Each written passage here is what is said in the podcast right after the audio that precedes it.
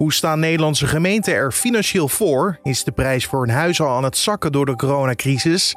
En kiezers in Oeganda mogen naar de stembus voor de presidentsverkiezingen. Zittend president Yoweri Museveni, die sinds 1986 aan de macht is, neemt het op tegen de populaire artiest Bobby Wine. Museveni is echter geen makkelijke om te verslaan. De president heeft bijvoorbeeld alle toegang tot sociale media gestaakt in het land. Dit wordt het nieuws. Nee, inderdaad. Dus er is gewoon alle signalen zijn er dat het, de, de verkiezingen is zijn daar zijn alle, alle plannen vanuit de regering om dat zo oneerlijk mogelijk aan te gaan pakken. Maakt uitdager Bobby Wine toch misschien kans vandaag? Daarover hoor je zo Oeganda-kenner Erik van der Zanden. Maar eerst kijken we, zoals we dat altijd doen, naar het belangrijkste nieuws van nu. Mijn naam is Carne van der Brink. Het is vandaag donderdag 14 januari. En dit is de Dit Wordt Het Nieuws podcast.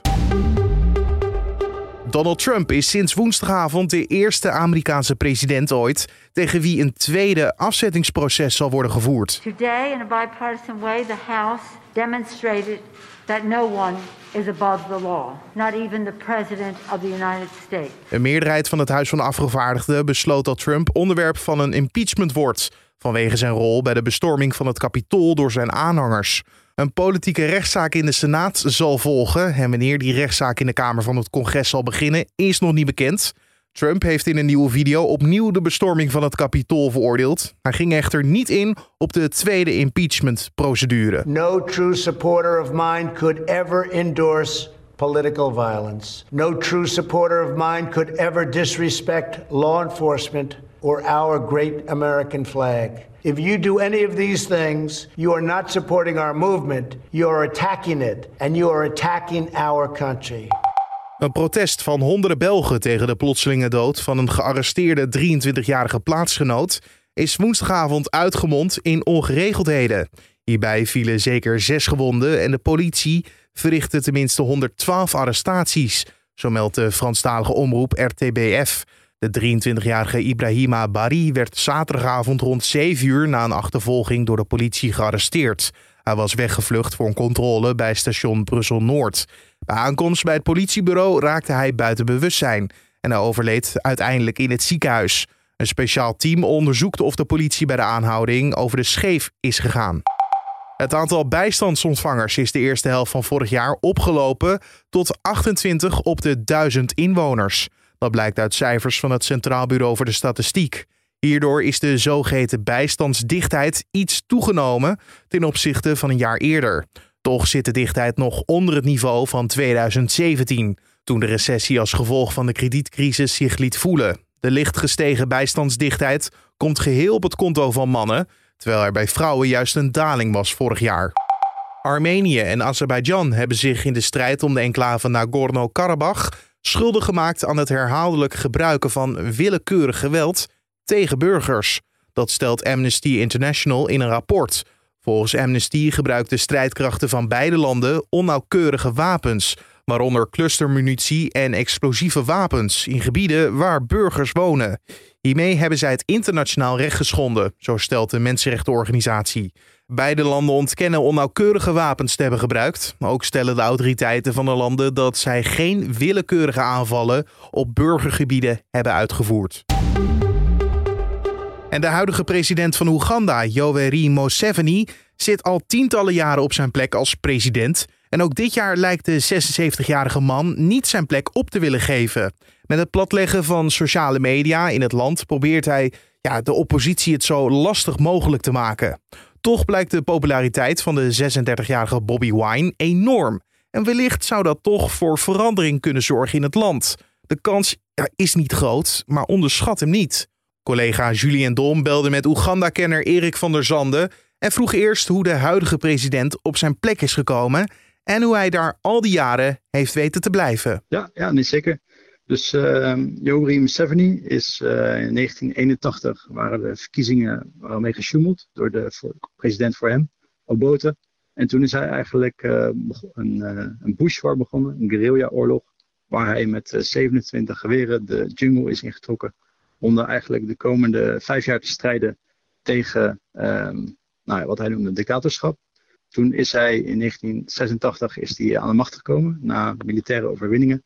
En daar kwam hij eigenlijk aan de macht met de uitspraak dat vanaf nu zou het een fundamentele verandering zijn. Dus niet zomaar de ene dictator voor de andere dictator, maar echt een nieuw Oeganda met een belofte voor uh, dat eigenlijk de macht bij het volk terecht zou komen liggen. En dat was 86, zeg je. Hè? Inmiddels zitten we in 2021 alweer en hij is nog steeds aan de macht. Oftewel, ja, geen dictatorschap. Je kan je de vraagtekens bij stellen. Ja, nee, absoluut. Dus het wordt ook zeker gedaan door de huidige generatie. En hij is eigenlijk nog lang, hebben ze gezegd van we gaan eerst democratie opbouwen. Dus er zijn nog geen verkiezingen. En toen waren de eerste instantie waren er ook verkiezingen dat alleen uh, mensen van de partij NRM, de National Res Resistance Movement, verkiesbaar waren. en toen in 2005 zijn er verkiezingen geworden voor meerdere partijen. En vanaf dat moment is eigenlijk ook steeds veel meer geweld gebruikt om toch eigenlijk die andere partijen te intimideren en te, ja, niet een gelijk spel te geven. Dus, om de oppositie klein te houden eigenlijk. Ja, eigenlijk wel. En ook om gewoon stemmers af te weren van het daadwerkelijk stemmen gewoon toch uh, angst voor geweld en voor negatieve consequenties om een andere stem uit te uiten dan hemzelf. Dus absoluut, de generatie van tegenwoordig, die zijn er al lang over uit, ook al echt al flink aantal jaren dat het een dictator is. Nou, lijkt het zo te zijn dat er uiteindelijk iemand is opgestaan die ja, misschien zelfs nog eens kans maakt. Bobby Wine, 38 jaar, bijna de helft van de huidige president dus. En um, ja, laat ik dan maar gewoon meteen de vraag stellen: maakt hij ook kans? Ja, ik denk zeker dat er een goede kans is in. Uh, het is absoluut denk ik ook een andere verkiezing dan die verkiezing daarvoor. De afgelopen twintig jaar is dat vooral geleid door oppositieleider Kisa Besigye, die de oprichter is van de destijds grootste oppositiepartij Forum for Democratic Change, FDC. En zij hebben eigenlijk gaandeweg ook al, zij, zij beweren dat ze al uh, meerdere keren in de verkiezingen, de verkiezingen hebben gewonnen, maar er werd mee gesjoemeld. Ze werden ook al gearresteerd of onder huisarrest gezet. En dat eigenlijk continu oneerlijke verkiezingen zijn. Toen 2016, toen uh, beweerden ze dat er 53% uh, verkiezingen hadden gewonnen. Maar weer werden ze gearresteerd en geïntimideerd. En toen is eigenlijk een, uh, de jongere generatie, die al 20 jaar aan het wachten was op die bevrijding, is er iemand van opgestaan. Dat is die Bobby Wijn, een zanger. en die is eigenlijk namens de, de jongeren van Oeganda, 75, 85% van de bevolking, is hij opgestaan en namens hun te spreken. En hij is daarom ook uh, ontzettend populair geworden, vooral bij de jongeren. En hij heeft ook een compleet andere transformatie teweeggebracht. Dat waar eerst de jongeren eigenlijk politiek als een verloren zaak zagen, nu echt een bepaalde uh, ownership hebben gekregen van er is daadwerkelijk iets mogelijk als wij naar de stembus gaan. Nou, daarom, waarom denkt zijn achterban dat ja, deze Bobby Wine dan wel de problemen zoals werkeloosheid, die enorm is in Oeganda, aan kan pakken, in tegenstelling tot ja, het huidige beleid van Museveni? Ik denk uh, dat een belangrijke rol is ook gewoon puur de generatie. Dezelfde, uh, ja, dezelfde wanhoop, dezelfde frustratie, al, al die stagnatie en economische achteruitgang. Dat puur het luisteren en ook de jongeren die uh, zijn meegenomen in de beweging van Bobby Wine. Bobby Wine is dan de leider, maar wordt gesteund door bijvoorbeeld de, de Secretary-General. Die heeft allemaal diploma's bij Harvard ge, ge, gehaald. Dus er zijn eigenlijk allemaal experts die hem steunen. Hij is dan zelf een muzikant, maar het netwerk wat om hem heen is gebouwd, dat heeft een ontzettend mooie visie en ook een uh, uh, nieuw plan voor hoe ze een nieuw Oeganda gaan opbouwen. En krijgt hij dan ook steun, als ik je goed begrijp, vanuit uh, ja, de binnenste kring rondom Museveni op dit moment? Van mensen die daar eigenlijk zeggen van, nou, we zijn klaar met het huidige beleid. Ik zie ook al wat in die wine. Nou, je ziet dat de president zelf en zijn meest dichtbij kring, die, die houden het systeem in stand. Maar je ziet wel dat er ontzettend veel mensen van die partijen nu aan het overstappen zijn, juist naar die, uh, de partij van uh, Wijn, uh, de National Unity Platform, om ja, eigenlijk ook vanwege die teleurstelling. Ze hoopten een nieuwe leider te hebben, daar zijn ze eigenlijk voor gevoed door verraden. En ze hopen nu toch dat er een nieuw alternatief is met die Bobby Wijn. wat daar nog wel belangrijk is, Bobby Wijn is dan eigenlijk de, gangmaker de afgelopen jaren. Maar die ene oppositiepartij, de FTC, dat is ook absoluut nog wel een speler die niet helemaal verdwenen is. Die nu samenwerken met Bobby Wijn om om die dictator uit, uit de zetel te halen. Maar dus die zullen ook nog een rol spelen de komende tijd. Maar goed, samenwerking, dan heb je er dus eigenlijk twee die tegen één strijden. Dat kan nog wel eens problematisch eindigen als je allebei net niet voldoende hebt om de huidige leider uh, ja, de laan uit te sturen.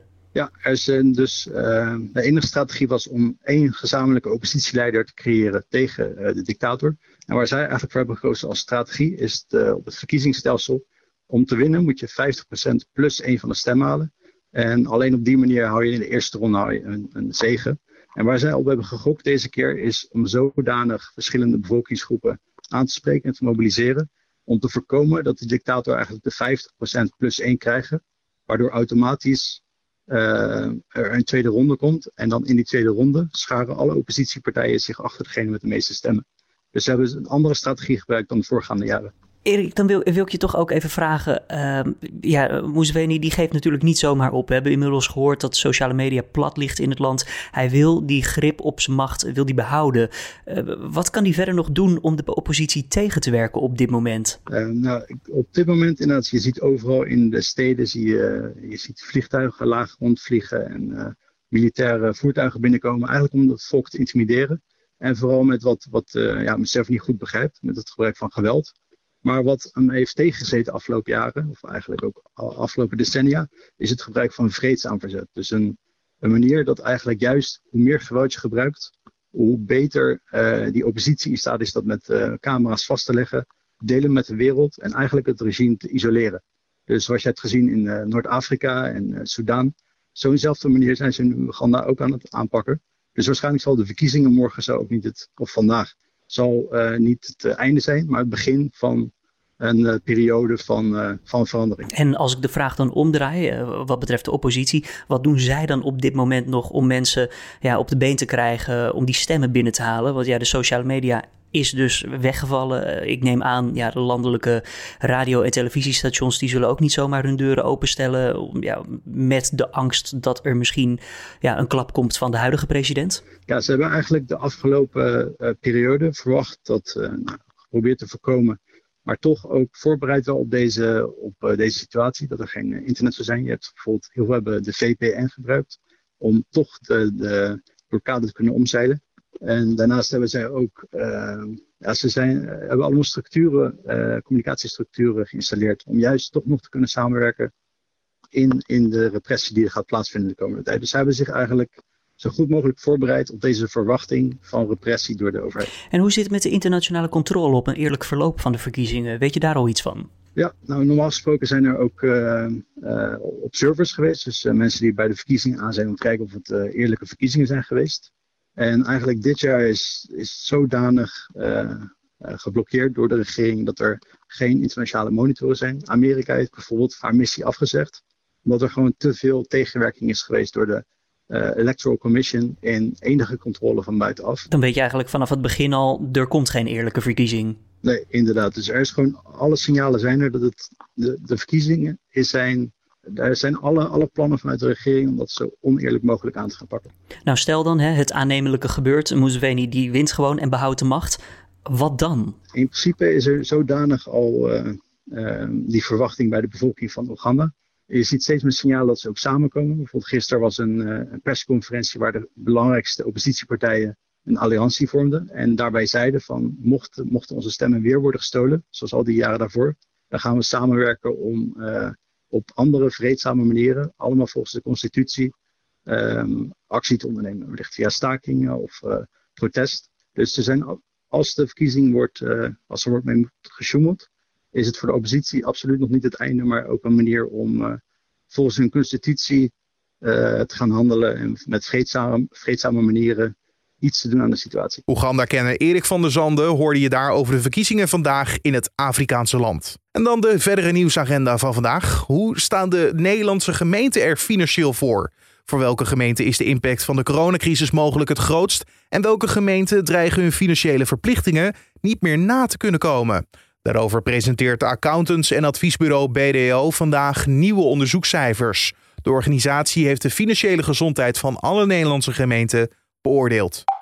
Makelaarsvereniging NVM komt vandaag met cijfers over de huizenmarkt in het vierde kwartaal van 2020. Het hele afgelopen jaar bleven de huizenprijzen maar doorstijgen. De NVM meldde eerder al dat er van een coronadip op de huizenmarkt geen sprake was het afgelopen jaar. Ook voorzag de makelaarsorganisatie al dat de huizenprijzen verder zullen blijven oplopen. En Ajax neemt het in de eredivisie op tegen FC Twente. De club die begin december in Amsterdam met 2-1 won door twee doelpunten van oud-Ajaxiet Quincy Menig.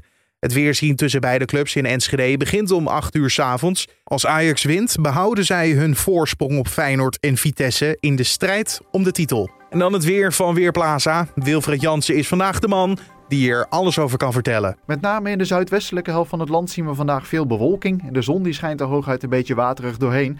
En met name in Zeeland kan van tijd tot tijd een beetje neerslag vallen. Heel soms misschien een vlok natte sneeuw.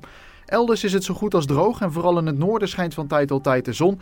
En het wordt verder een waterkoud dagje met smiddagstemperaturen van zo'n 3 graden. Maar door de matige oostenwind voelt het aan alsof het vriest. Dankjewel Wilfred Jansen van Weerplaza. En om af te sluiten nog even dit. De ravenkoning, die normaal gesproken in de Tower of London woont, wordt vermist.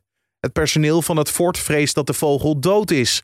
Het gaat om de raaf Merlina, die sinds 2007 bij de groep raven in de Tower woont. En die is al enkele weken niet meer gezien, zo meldt BBC News.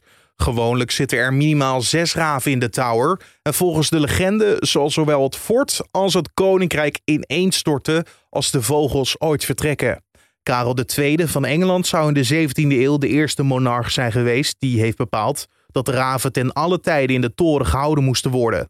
Toen er eeuwen later nog maar één raaf overbleek te zijn, besloot de toenmalige Britse premier Winston Churchill dat de ravenpopulatie uit minimaal zes raven moet bestaan.